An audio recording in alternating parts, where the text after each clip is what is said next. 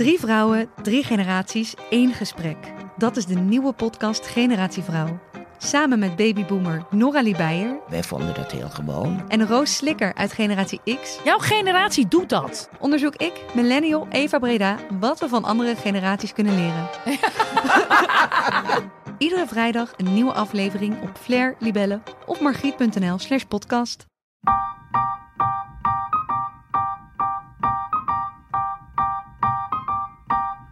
Date gaan of de eerste keer seks, ja, dat is allemaal superleuk, maar ook extreem spannend. Want je kwetsbaar opstellen en jezelf letterlijk blootgeven is voor niemand makkelijk. We zijn immers allemaal onzeker. Maar wat als je niet voldoet aan de norm of het perfecte plaatje? Hoe ga je om met onzekerheden? Daarover praat ik in deze aflevering met mijn gast Eva Eickhout. Eva is geboren met een afwijking aan haar armen en benen en is vaak gebonden aan haar rolstoel. Maar Eva's beperking staat haar bepaald niet in de weg om te doen en laten wat ze wil. Ze is presentator bij BNN-Vara en podcastmaker. En momenteel is ze te zien in haar nieuwe serie op YouTube, One Night Stand-Up. Ambitieus en onverschrokken, maar is ze dat ook in de liefde? Ik denk dus wel dat ik heel rijk zou kunnen worden met dat OnlyFans. Of fans only, ik weet het nooit. OnlyFans, Ja, toch? Ja, dat denk ik echt. Ik krijg vaak aanvragen hoor Oh, via ja? Instagram of ik dat account heb. Heb je Oh, ja? OnlyFans account? Ja, echt heftig.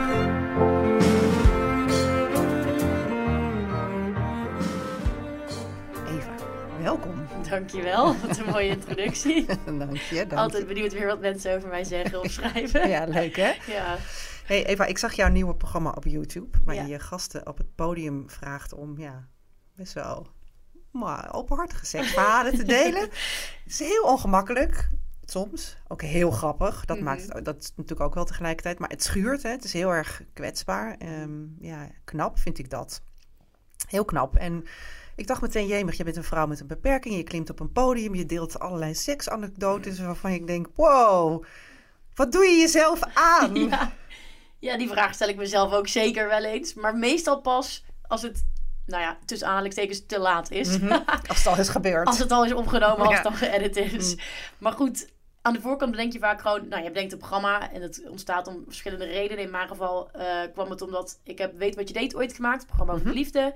En daarin eh, interviewden wij een meisje met eh, vaginisme. Dat betekent dat je ja, eigenlijk ni- niks kan verdragen in jouw vagina. Dus je kunt vooral geen penetratieseks hebben. Mhm. Nou, toen hebben we heel lang gesprek gehad op de redactie. Maar wat is dan seks? En Mhm. wanneer is seks seks? Mhm. Nou, toen zei ik, daar wil ik een programma over maken. Brainstorm, brainstorm, brainstorm. Nou, daar kwam dit programma dus uit. Maar eerst voel ik dan helemaal van, oh, dit moet gemaakt worden. Dit is belangrijk. Dit, dit moet er komen. Dit gaat mensen helpen. En eh, vervolgens ga ik het ook met alle enthousiast maken. Ehm, maar als het dan bij de af is, dan denk je wel van, oké, dit komt inderdaad op het web. Dit gaat iedereen kunnen zien. Holy shit, spannend. Ehm, maar ja, aan de andere kant denk ik pas dat je taboes kunt doorbreken als het schuurt. Eh, en dat je dan pas ja, belangrijke onderwerpen echt aan het licht kunt brengen. Ja, want is dat zeg maar jouw doel? Dat je taboes wil doorbreken? Is dat waarom Nou, je het wil maken? of- maak ik wel programma's omdat ik bepaalde onderwerpen bespreekbaar wil maken, Mhm. inderdaad. En of dat dan een taboe doorbreken is of onderbelichte onderwerpen aan het licht brengen, dat, dat hangt er natuurlijk van af. Maar dat is inderdaad wel eh, waarom ik doe wat ik doe. Ja, Ja. zeker. Hey, en eh, wat vonden je ouders toen? Nou, ja. ik, in de eerste aflevering zeg ik in de introductie dat papa en mama zo van... Nu moeten jullie stoppen met kijken. Want dat vind ik dus... Ik kan al niet goed... Ik weet niet... Het ligt niet aan mijn ouders hoor. Want ik mag alles tegen ze zeggen. Maar ik vind het gewoon heel lastig op de een of andere manier... om met mijn ouders over liefde of seks te hebben. Mm. Dus ze hoeven het van mij... Ik heb het vermoeden dat mama het wel gekeken heeft. Maar dat ze gewoon niks erover zegt. Oh, ze zegt er dan niks Nee. over. Ah, ja, en mijn vader die zei laatst wel iets van... Toen kwam ik thuis en die... Wat is er met een nieuw programma van jou? Mag ik dan niet kijken of zo? ik zei, pap, je mag het op zich wel kijken, maar ik wil het er niet met je Maar- over hebben. Oh, ja, ja. En dat doen ze dan op zich ook niet, wat ik prima vind. Maar ja, ik ga natuurlijk niet dit niet maken, omdat ik van twee mensen op de wereld wil dat ze het niet zien. Nee. Ehm, dus dat is dan maar... Ik zei ook van, ja, dit is gewoon mijn werk, het hoort erbij. Jullie hoeven het niet te kijken als jullie het niet willen. Misschien kijk ik weet het niet. Maar dat, je zoekt dus heel erg wel het ongemak op. Ja, ik weet niet of het het ongemak is, want aan de andere kant, eh, ik wilde dus heel graag een programma maken over wat is nou seks. En ja, dat is in, in bepaalde verhalen die in het programma zitten, zijn die zeker ongemakkelijk, maar ze zijn ook super grappig. En wat ik het, vooral het leukste misschien wel eraan vind, is dat ik hoop dat er mensen kijken die dan denken, wow, bij hun gaat het dus soms ook gewoon onhandig of raar of Ja, gek precies. of gebeurt er iets wat niet de bedoeling was. En dat is ook seks en dat is ook oké. want dat is wat ik heel erg wilde laten zien. Ja, dus je wil eigenlijk ook een beetje af van het perfecte plaatje. Ja, en dat Ja, ja. ongemak misschien wel een beetje normaliseren. Ja. Hey, want want als, we eh, als we het over jou hebben en daten, hoe, eh, hoe, ehm, ja, hoe, hoe ongemakkelijk is dat voor jou? Nou, wat ik zelf vaak, eh, wat ik bijvoorbeeld heel ongemakkelijk vind, ik zit bijna niet op die dating apps. Omdat A, ga je op de eerste foto al laten zien dat je een lichamelijke beperking hebt. Ja, dat vroeg ik me af. Hoe voor doe de je mensen, dat? Ja. voor de mensen die luisteren, ik heb een grotendeels afwezigheid van ledematen. Dus ik heb korte armen, zonder handen en kortere benen. Ik ben in totaal 1,14 meter, maar ik mag wel in de Python bij de Efteling. maar goed, dat geldt terzijde. Ehm, dus dan vind ik het soms super lastig van, ja, doe je dat dan op de eerste foto of de tweede? Dus meestal doe ik het niet op de eerste, dan gebruik ik daar een portretfoto, omdat ik het gevoel heb dat ik anders niet geliked word. En dat vind ik confronterend. Dus dat is voor mij ongemakkelijk. Eh, maar wat, vervolgens, stel ik heb een match en dan moet je daarmee op date. Ja, dat vind ik dus ook echt, dat vind ik echt super eh, ja, spannend, moet ik denk ik zeggen. En echt, dat vind ik gewoon heel spannend, omdat ik dan bang ben dat ze het dan in real life erger misschien vinden dan Oh, het ja. op de foto's leek. Of dat ze het niet goed weten hoe ze ermee om moeten gaan. Wat dan voor heel ongemakkelijke situaties kan zorgen. Dus wat ik vaak doe, of wat ik fijner vind, als ik in de kroeg ben of op een feestje, dat ik daar mensen leer kennen. Want dan zien ze organisch eigenlijk hoe mijn vrienden met mij omgaan. En dan kunnen ze het soort van een beetje afkijken. En het feit dat je op dat feestje bent, geeft al aan dat je gewoon outgoing bent. Mhm. Dus dan ontstaat het voor mijn gevoel wat natuurlijker. En dan is het Ja. de tweede keer wat minder in your face. Voor het mij is een soort soft launch dan. ja, zo ervaar ik dat dan in ieder geval Ja. heel erg. Maar goed, ik vul natuurlijk ook wel weer heel erg in. Want misschien vindt iemand anders wel helemaal niet erg om met mij op date te gaan via een app als die heeft gezien dat ik in de rolstoel zit of zo. Whatever. Maar Ik ga ervan uit dat ze dat dan ook... Ja, dat denk ik dan ook altijd. Maar is ja, een onzekerheid bij mijzelf, denk ik heel Ja. erg. En wat, en wat, hoe doe je, wat, wat doe je dan om dat, om dat aan te gaan, die onzekerheid? Nou, sowieso probeer ik altijd als eerste in het café te zijn waar ik dan Mhm. ga daten. Want dan kan ik vast op die stoel klimmen, wat er soms ook ongemakkelijk of raar uit kan zien. Of wat, I don't know, misschien ja, anders gaat. Dus dat, dat probeer ik dan aan de voorkant altijd een beetje zo te tackelen. Mhm. Ehm, en ik probeer ook wel, ik ben wel van de zelfspot. Dus door met humor te laten zien dat ik het prima vind om erover te praten, breek je vaak ook wel het ijs. Ja. Want mensen zijn vaak bang dat ze er niks over mogen zeggen. Nou, dat Ja. is bij mij helemaal niet het geval. Nee. Het is gewoon wat het is. Laten we het er vooral over hebben, maar niet de hele tijd natuurlijk. Nee, want dat lijkt me ook wel ingewikkeld. Hè, ja, dat, is eh, ook. eh, dat, ja, dat je ook niet wil dat dat zo een thema van Nee. de avond wordt. Nee, maar dat hangt best wel af altijd van de andere persoon. Want aan de ene kant vind ik het helemaal niet erg om het erover te hebben. Vraag me echt alles. Maar ik kan het als stiekem wel waarderen als ze het er eigenlijk niet over hebben. Of als Ja. ze gewoon zoiets hebben van, oh, het is oké, het is prima, het boeit me eigenlijk niet zoveel. Ja. Maar goed, er zijn natuurlijk ook dingen die je uiteindelijk, als je verder wil, bespreekbaar Ja. wil maken. Ja, klopt. Ja, Hè, want, is- Zeker. want je hebt ook, ik neem aan dat je ook wel hulp en, eh, nodig hebt op een aantal vlakken. ja, zeker. Ik heb echt wel dagelijkse zorg nodig. En dat is vooral in de ochtend. Echt het aankleden, mijn haren doen, douchen. Dat kan ik gewoon echt niet zelf. Kijk, als ik s'avonds thuis kom, kan ik vaak wel mijn kleren uittrekken. En een groot pyjama shirt kan ik wel zelf aandoen. Dus dat is niet altijd meer nodig. Maar 's ochtends moet ik gewoon even geholpen worden. Eh, en dat is inderdaad wel van, ja, welk punt A, ga je dat zeggen? En B, als ik dus bij de ander slaap, dan ben je eigenlijk automatisch afhankelijk van diegene. Want ja, daar zijn geen zorgverleners en bij mij thuis wel. Ja. Althans, die plan ik in. Dus dan kom, je al, kom ik alweer uit een comfortzone waarbij je dus best wel snel kwetsbaar moet opstellen. Ja. Aan de andere kant, als ze bij mij thuis slapen, dan komt de zorgverlener weer in een zone of een privé moment wat je eigenlijk niet wil. Mhm. Want ja, als je net je nieuwe date mee naar huis hebt genomen, zit je niet echt te wachten op een derde persoon. Nee. Dus dat is soms ook moeilijk, maar het hoort er ook wel weer bij. En het is ook misschien een stukje gewenning, maar in het begin vind ik dat soms ook wel, eh, ja, zoeken of zo. Heb jij eh, onlangs een relatie gehad of een lange relatie gehad waarin, dit al, waarin je dit al kon testen? Of kon... Nee, wel eh, tijd gedate eh, met een meisje. En eh, dat was echt waanzinnig leuk. En tegelijkertijd ook voor, vond ik het heel ingewikkeld. Omdat ik dus eigenlijk nog nooit eerder zo serieus had gedate. Eh, en dus ook eigenlijk helemaal niet zo goed wist hoe ik dat dan moest aanpassen in verhouding tot die zorg. Ehm, dus, en het was wel grappig, want zij vond het echt helemaal geen probleem. Vanaf het eerste moment dan niet. Wat ik super, ja, wat ik aan de ene kant moeilijk vond om te geloven. En aan de andere kant ook echt heel erg fijn vond natuurlijk. Ehm, maar aan de andere kant merkte ik ook aan mezelf dat ik dacht, oké, ik moet zo min mogelijk gehandicapt overkomen. En ik moet zo ja. min mogelijk laten zien dat ik zorg nodig heb. Of ja, ik weet niet, ik was daar heel erg een tweestrijd mee met mezelf. En dan wilde ik het aan de ene kant wel vertellen, maar dan dacht ik, ja, als ik dat ga vertellen, dan schrik ik er misschien af. Dus misschien kan ik het beter niet vertellen. Maar als je het dan weer niet gaat vertellen, kom je soms met jezelf een beetje in de knoop of zo. Mhm. Dus dat vond ik super ingewikkeld. Ehm, waardoor het uiteindelijk ook wel ja, dat heeft er wel een semi voor gezorgd dat het niet gewoon helemaal lekker liep. Mhm. Dat was niet het enige hoor. Maar daardoor ook wel weer geleerd dat je dat gewoon ook wel gewoon moet zeggen. Dus, dus je, Ja, En het hoeft niet per se iemand af te schrikken. Dus ik vulde voor haar gewoon heel erg in. Dat ik dacht, oh, als ik dat zeg, dan, ja, dan wil ze misschien niet meer verder of whatever. Ja, ja. Terwijl dat was eigenlijk helemaal niet aan de orde. Dat was echt een invulling van mezelf. ja, het is ook wel een beetje een universeel probleem in die zin dat je hè, over de liefde is natuurlijk, zeker als je begint in een relatie, zo, Ja, zo ingewikkeld. ja, en je wil gewoon, als je iemand toch net kent, de leukste versie van jezelf laten zien. Precies. Je wil gewoon altijd, het- ja, je wil gewoon en je wil gewoon- niks verkeerd doen. Nee, je wil weet wat niet zo goed wat er maken goed en zo. is. Ja. Ja. Ja. het is allemaal best wel moeilijk. Dus dat vond ik echt super ingewikkeld. En Mhm. nu zou ik dat super anders doen. Dus ik heb er wel van geleerd, maar ook wel spijt van.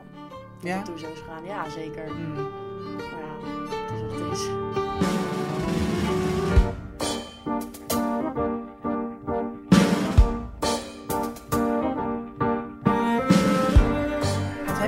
Kom je wel eens dates tegen die dan een soort van, ja, om het heel botweg te zeggen, een soort fetish in jou zien? Nou ja, dat weet ik. Nou, ik heb het gevoel van niet. Ik denk, ik heb niet het idee dat ik ooit met iemand ben geweest die echt een zieke fetish ervoor heeft. Ik heb wel soms gehoord dat guys het dan. eh, dat ze dan zeiden dat ik makkelijk op te tillen ben of Mhm. wendbaar, weet je wel. Of eh, soms zo, een keer zo iemand. Je kunt zo lekker knuffelen met jou, want je armen en benen zitten niet in de weg. Nou, ja, dat vond ik wel cute, gewoon, weet je wel. Dat snap ik ook wel. Ik denk dat, dat, dat ik dat zelf ook stiekem best wel chill vind. Ik hou ook wel om van die grote mannenarmen te Mm. liggen. Maar ik denk, ja, echt fetish, fetish zou ik maar goed, misschien heeft iemand het weten te verhullen, maar ik denk het niet. Nee. En ik, als het zo zou zijn, of als ik het gevoel zou hebben dat het zo is, zou ik, weet ik ook niet zo goed of ik dan er dan mee door zou gaan. Want Nee. kijk, als het echt een fetish is op mijn beperking, van, ja, ik weet niet, ik zou dat wel ongemakkelijk vinden. Of, dat zou ik wel gek vinden. Ja. Ik weet niet of ik me daar comfortabel bij zou voelen. Nee, dat snap ik. En ik denk dat je dat ook wel vrij snel merkt dan ook. Denk Toch wel dat tijdens zo'n ehm, date. Ja, ja, ja, dat vraag ik me dus af. Ja. Dat weet ik niet. Ik, Nee. denk, ik, ik denk dus wel dat ik heel rijk zou kunnen worden met dat OnlyFans. Of fans only, ik weet het nooit. OnlyFans. Ja, ja. toch? Ja, dat denk ik echt. Ik krijg vaak aanvragen hoor, Oh, via ja? Instagram. Of ik dat account heb. Heb je Oh? OnlyFans account? Ja, echt heftig. Heel heftig. Ja, hè?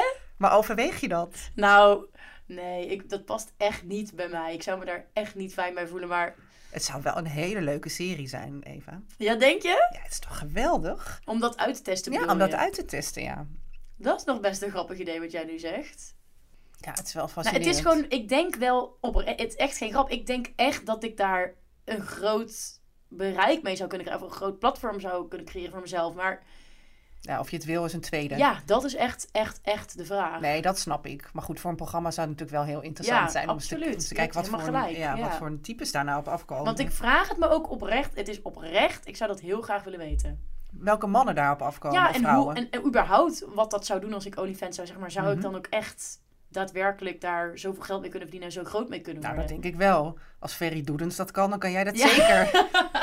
Kom op. Ja, toch? Ja. Ja. ik, ja, ik weet niet hoeveel mensen fetishes hebben voor afwijkende ledematen. Maar Ja, jemig. even een polletje op mijn Instagram story. Ja, misschien moeten we het ook even... Ja, precies. Even een polletje hebben. Ja, nee. Ja, het is wel interessant. Maar goed, seks is sowieso interessant voor Zeker. iedereen. Ja, eh, Maar het is soms ook een grappig idee dat we het allemaal doen. Mhm. En dat het nog steeds zo'n taboe blijft. Want voor jou is, het, is, dat, is dat ingewikkeld? Is dat moeilijk om het... Wat bespreek je daar? Doe je dat van tevoren bespreken? Van, goh ja, Nee. een aantal dingen kunnen niet of kunnen wel? Of, Nee, je- dat eigenlijk nooit. Nee. Nee. Het gaat vaak vanzelf. Mhm. En wat ik zelf dus ook chill vind, als je met elkaar in bed ligt, dan is het hoogteverschil er ook niet. Nee, precies. Dus dan voel ik me vaak ook best wel gelijk aan iemand. Oh ja, Dat vind ik altijd wel relaxed of zo, merk ik. ja. Dus nee, dat, en nee, van tevoren ook eigenlijk nooit. aan- Nee, dat heb ik eigenlijk niet. En, en jouw bedpartners hebben ook nooit dat ze denken, nou, ik, achteraf vind ik het lastig of vond ik iets moeilijk of, of heb je het daar gewoon niet Nee, zo? ik heb eerder het idee dat mensen het soms aan de voorkant wel spannend vinden, Mhm. maar dat ze dat dan dus niet zeggen. En dan probeer ik dus heel erg het ijs te breken en te laten zien dat het helemaal oké is. En eh, ik denk dat ik best goed iemand op zijn gemak kan stellen of te laten voelen dat ik, dat ik er ook oké mee ben. Mhm. En dan eh, ja, gaat het eigenlijk vaak van vanzelf. Ja, dus het is, het, het is niet per se lastiger voor jou, Nee, seks? nee, zo ervaar ik het zelf helemaal niet. Nee, Nee. gelukkig niet. Nee, heel fijn. Ja, Ja, dat kan me ook wel voorstellen. Stel dat je gewoon... Kijk, ik heb gewoon controle over mijn lijf. Hè. Ik kan gewoon eh, me omdraaien of gaan lopen of Mhm. staan of whatever. Ik heb, ik heb gewoon fully control over alles wat ik doe. Ik kan me voorstellen als je bijvoorbeeld dus gebonden bent aan de rolstoel of je hebt eh spasmus. Ja, dan wordt het echt wel een ander verhaal. Mhm. Dus dan ben je wel sneller afhankelijk, ook in bed, denk ik. Mhm. Dus dat- lijkt mij veel lastiger. Want is het lastiger voor, voor iemand met een beperking om een relatie, om een liefdesrelatie te vinden? Ja, ja, ik denk van wel, Mhm. uiteindelijk. En, eh, maar en aan de andere kant denk ik ook... Kijk, ik ben ook niet om de haverklap verliefd. Hm. Ik bedoel, ja, nee, dat is niet waar. Mijn vrienden zouden dit trouwens niet, niet zeggen. Die vinden, ik heb al van die microverliefdheden, kijk dat? Mhm. Dat je gewoon ergens bent en iemand tegenkomt, ben je gewoon even spontaan helemaal verliefd. Mhm. Maar dan is na een paar weken weer weg of zo, weet je wel. Het is niet dat ik dan nog weken met diegene in mijn hoofd zit. Dus dat heb ik wel heel erg. Maar echt verliefd, verliefd, ja, dat ben ik nou ook weer niet eh, iedere week of zo. Dus het ligt ook aan jezelf, dat je Ja, niet per dat se in denk een ik relatie wel. zit. En misschien dus ook wel, nou ja, wat ik dus heb ontdekt, dat ik dus heel erg invul voor de ander dat ze mijn beperking te heftig vinden. En als je er zelf in staat, dan is dat misschien ook zo, hè? Als je dat al invult voor die ander. Dus dat probeer ik ook wel minder te doen. En wat ook gewoon zo is, kijk, je moet ook niet achterover gaan zitten en wachten, want dan komen ze ook niet, weet je wel. Je moet Nee. ook natuurlijk wel een beetje... Ja, je moet je wel je beste voor Ja, doen. ik dacht, moet ik niet gewoon een challenge aangaan met mezelf, dat ik gewoon zorg dat ik iedere week een date heb, snap je? Mm. Gewoon om eens even... Je- oefenen. ja, dat je er super erg je best voor gaat doen, weet je wel. Wie weet... Dat heeft voor iedereen is er zoveel te winnen. Nou, en dat is het ook. Kijk, ik ben natuurlijk hierover eh onzeker. Maar Ja. ik zie, het is niet dat mijn vrienden nou allemaal glorieuze liefdeslevens hebben. Hoor. Nee. Integendeel zelfs. Mhm. Die lopen ook tegen hartstikke veel dingen aan in hun relaties of in de liefde of whatever. Dus we moeten ook niet gaan doen alsof het voor mensen met een beperking alleen veel lastiger is. Nee. Soms denk ik wel eens, stel dat, eh, weet ik veel, snelle een vriendin een rolstoel zou hebben. Mhm. Wat zou dat doen met beeld? Ja, ik ben super benieuwd. Dat, zou het, dat zou wel veranderen, ja. Dat denk ik ook. Ja. Ik denk dat dat echt zou veranderen. Maar ik Ja. denk ook dat het niet zo gauw zou gebeuren. Nee?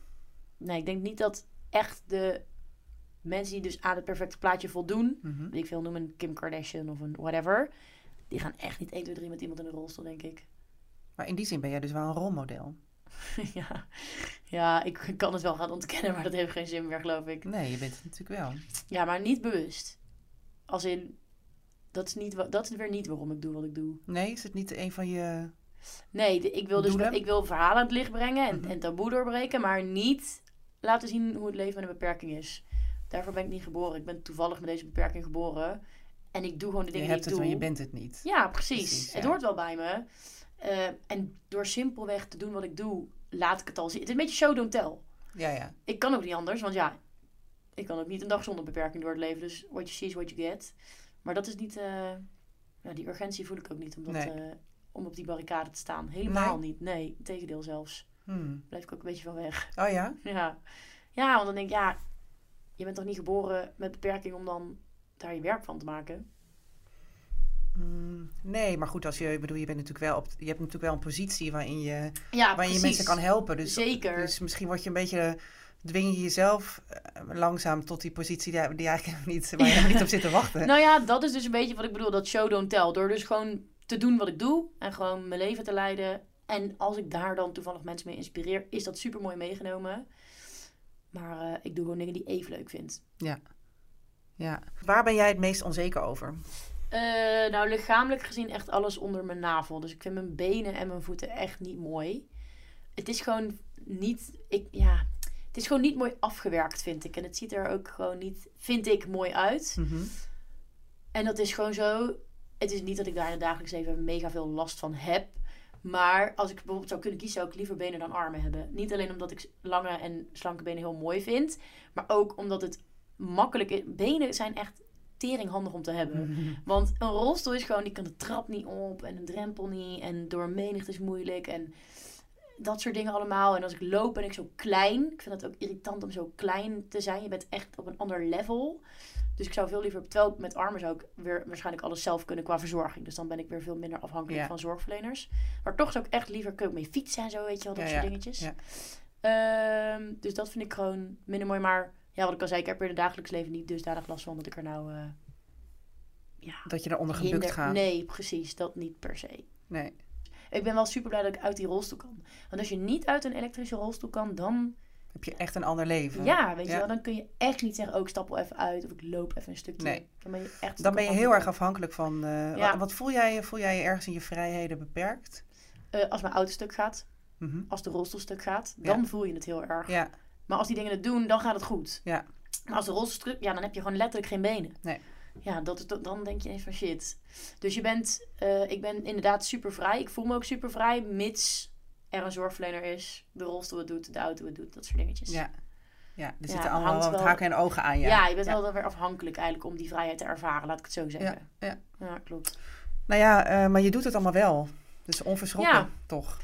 Ja, en ook wel gewoon, eh, ja, ik weet niet, het is ook een automatisme. Het, voelt, het is niet dat ik 's ochtends wakker word en denk, poeh, we gaan er een dag tegenaan. Nee, het is meer dat ik gewoon denk, woe, wat gaan we doen vandaag? Ja, Ik werd precies. vanochtend wakker ik had onwijs veel zin in deze podcast. Nou, wat heerlijk. Ik ben ook blij, ik ben, blij Ja. dat je er bent. Ik hoop dat je het leuk vindt. Ja, ik vind het mega gezellig. Dus daar, nee, ja, dus het is, ik heb helemaal, ik, ik, ik lever geen strijd iedere dag. Nee, jij bent dat zou wel- ik echt niet willen zeggen. Dat zie je, zo zie je er ook echt niet uit. Nee, gelukkig ervaar nee, ik dat ook nee, niet zo. je- Je bent echt zo'n stralende bruistablet ben jij.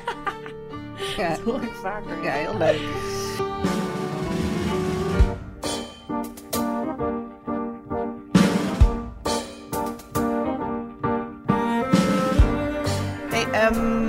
Eva, ik heb twee dingen nog. Ik heb een lezersvraag. Ja, leuk.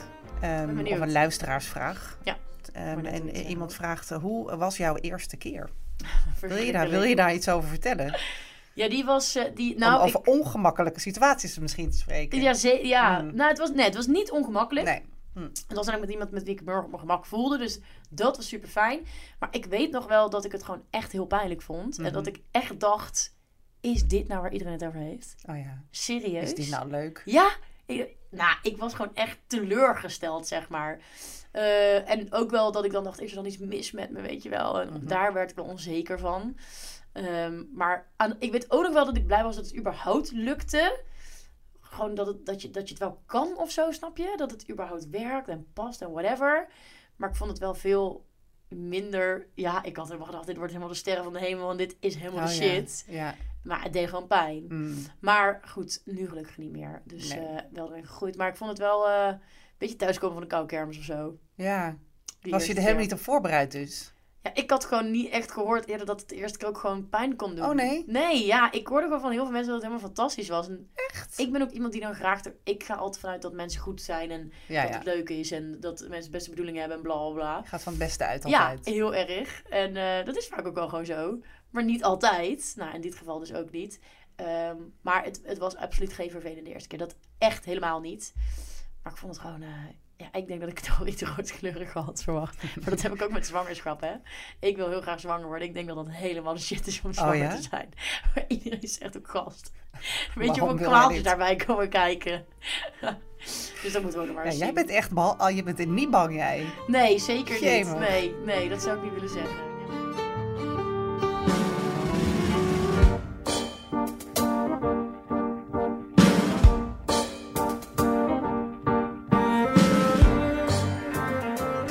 Ik wou eigenlijk afsluiten, eh, met ons, eh, ons gesprek afsluiten met een eh, stelling. Ja.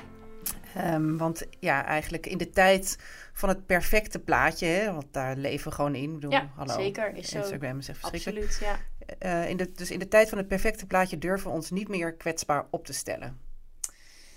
Mm, ja, ik denk dat er een verschil is tussen het perfecte plaatje en kwetsbaar opstellen. Omdat eh, voor mijn gevoel kun je je ook met een perfect plaatje kwetsbaar opstellen. Dus je kunt een hele mooie selfie of foto van jezelf plaatsen met een kwetsbaar verhaal daaronder. Ik denk dat dat wel vaker gebeurt inmiddels. Dat mensen soms ook dingen uit hun leven delen die niet goed gaan of die niet leuk zijn. Ehm, maar ik denk dat het echt het beeld wat we zien, de foto's die geplaatst worden, dat die vaak nog gewoon heel mooi zijn. Eh, en dat dat qua uit... Want we oordelen elkaar natuurlijk op het eerste gezicht allemaal op uiterlijk. En dat is bij mij gewoon vaak... Het voelt vaak alsof ik daarmee gewoon snel 1-0 achter sta. Mhm. Zo ervaar ik of zo voelt het voor mij. Dus dan kunnen jullie nog wel allemaal, mensen die allemaal op Instagram zitten... een mooie foto plaatsen met een kwetsbaar verhaal. Maar dan verandert het nog steeds niks aan die eerste indruk die we allemaal van elkaar hebben. Nee, Tenminste, precies. zo voel ik dat een beetje. Ehm, wel misschien wel grappig. Ik weet niet of je die nieuwe app ehm Be Real kent. Ja, die vind ik dus oprecht fantastisch. Want dat zijn echt geen perfecte plaatjes. Ja, ik heb hem toevallig En deze week gedownload. Ik geniet daar echt van. Ja, ben je actief? Ja, ik ben heel. Ik heb nog Oh, niet. ik ga je volgen ben al anderhalve maand op die app. Ik heb nog geen dag gemist. Dit is dus een app waarbij je een melding krijgt. Het is eigenlijk bedoeld dat je binnen twee minuten een foto maakt. En hij maakt zowel een foto van je gezicht als van wat je voor je ziet. Maar ja, ik heb natuurlijk mijn arm is. Nou ja, tot jullie elleboog nog korter. Dus ik krijg, je ziet er bijna alleen maar aardappel selfies. Hoofd, aardappelhoofd selfies. Want ik hou hem gewoon veel te dichtbij. Oh ja, wat Maar dat vind ik dan super grappig. Dat is ook jullie zelfspot natuurlijk. Dus dat soort apps kan ik echt heel erg waarderen. Denk je dat er een soort verschuiving plaatsvindt? Ja, dat hoop ik dus echt heel erg. Ik, ik hoop dat echt. Ik vind dat Be Real dus echt serieus een mooi voorbeeld daarvan. Ja, ik zou het super vet vinden als er gewoon eh, dit soort dingen meer ook gedeeld worden. Dat, Mhm. dat we ook soms zo erbij liggen of erbij zitten of whatever. In plaats van dat eh, perfecte optische plaatje wat we gewoon heel veel op onze telefoons te zien eh, krijgen. want het is, het, ik, ja, hoe schadelijk is het, denk jij, dat we toch weer veel gefotoshopt... Nou, ik denk dus dat het voor die uiterlijke eerste indrukken die we maken van elkaar een heel groot impact maakt. Dus ik denk dat het daarvoor zeker super schadelijk is. En dat we daardoor ook wel vaak denken dat het groener is bij de buren. Ehm, dat we snel als iemand. Ik heb ook wel het gevoel gehad dat als ik dan met een guy ging, dat zijn vrienden dan weer ook er een oordeel over hadden. Dan ga je met haar, weet je wel, what the Mhm. fuck. Of dat ze, ja, misschien dat die vrienden het niet eens zeiden, maar dat ze bang waren voor dat soort oordelen. mhm. Dus het is dan niet eens zozeer jezelf, maar je kunt ook bang zijn voor wat de rest of je omgeving ervan zal Ja. vinden. Omdat we dus allemaal zo beïnvloed worden door die perfecte plaatjes. Ja. Ja, het zou zo mooi zijn als we, gaan, als we streven naar een wereld met veel meer imperfectie. Want daar zit Ja. juist veel meer schoonheid. Ja, terwijl het soms ook wel gek is, hè? Want als je eenmaal met iemand gaat, die misschien aan de buitenkant helemaal niet het perfecte plaatje is, maar die is superleuk, dan kan die gaandeweg wel aantrekkelijk worden. Hè? Nou, enorm. Want je kan iemand zien en denken, nou, het is mijn type niet. Ja. Totdat iemand gaat praten en denk je, Ja. oh, het is mijn type wel dat is hoor. toch grappig? Ja. En dat zien we niet op de foto. Nee. En dat is soms zo jammer. Heel jammer. Ja. We zien gewoon een heel ander raamwerk van mensen. Ja, precies. Ik, heb, ik kan mensen op Instagram echt verschrikkelijk vinden. Ja. Terwijl als ik ze ontmoet, denk ik, nou, jij bent helemaal niet Of verschrikkelijk. andersom, hè? Of andersom. Ja, dat kan ook heel erg. Ja, Ja, het is je? eigenlijk heel jammer, hè? Dat is het, precies. Ja. Dus dat is soms lastig. Het echte leven is eigenlijk veel leuker. Ja, mega. Daarom, ik, goed, ik probeer het op die apps, maar ik vind het veel leuker om iemand in de kroeg of op een festival te leren Ja, kennen. Ja, ik hoop het. Dat je... onverwachte aantrekkingskracht, dat vind ik zo leuk. Ja, hè? Ja. Heel romantisch eigenlijk. Ja, Zo'n romantisch beeld is dat Ja, van zo'n film. En wat is dat dan ook, weet je wel? Ja. Ja. Pheromone die dan Ja, ik denk echt dat, chemie, eh, dat de chemische reactie Ik heel, geloof daar heel, ook heel erg in. Ik ook. En daar 100%. wil ik ook heel erg in geloven. Ja, dus heel daar goed. blijf ik ook gewoon in geloven. Leuk dat je luisterde naar Over de Liefde. Heb jij nou een prangende vraag over de liefde, seks of relaties? Laat het mij dan weten. Stuur een DM op mijn Instagram of mail naar debbie.ad.nl.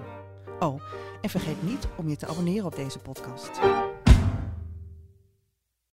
Drie vrouwen, drie generaties, één gesprek. Dat is de nieuwe podcast Generatie Vrouw. Samen met babyboomer Nora Beijer Wij vonden dat heel gewoon. en Roos Slikker uit Generatie X Jouw generatie doet dat. onderzoek ik, millennial Eva Breda, wat we van andere generaties kunnen leren. Iedere vrijdag een nieuwe aflevering op Flair, Libelle of margriet.nl slash podcast.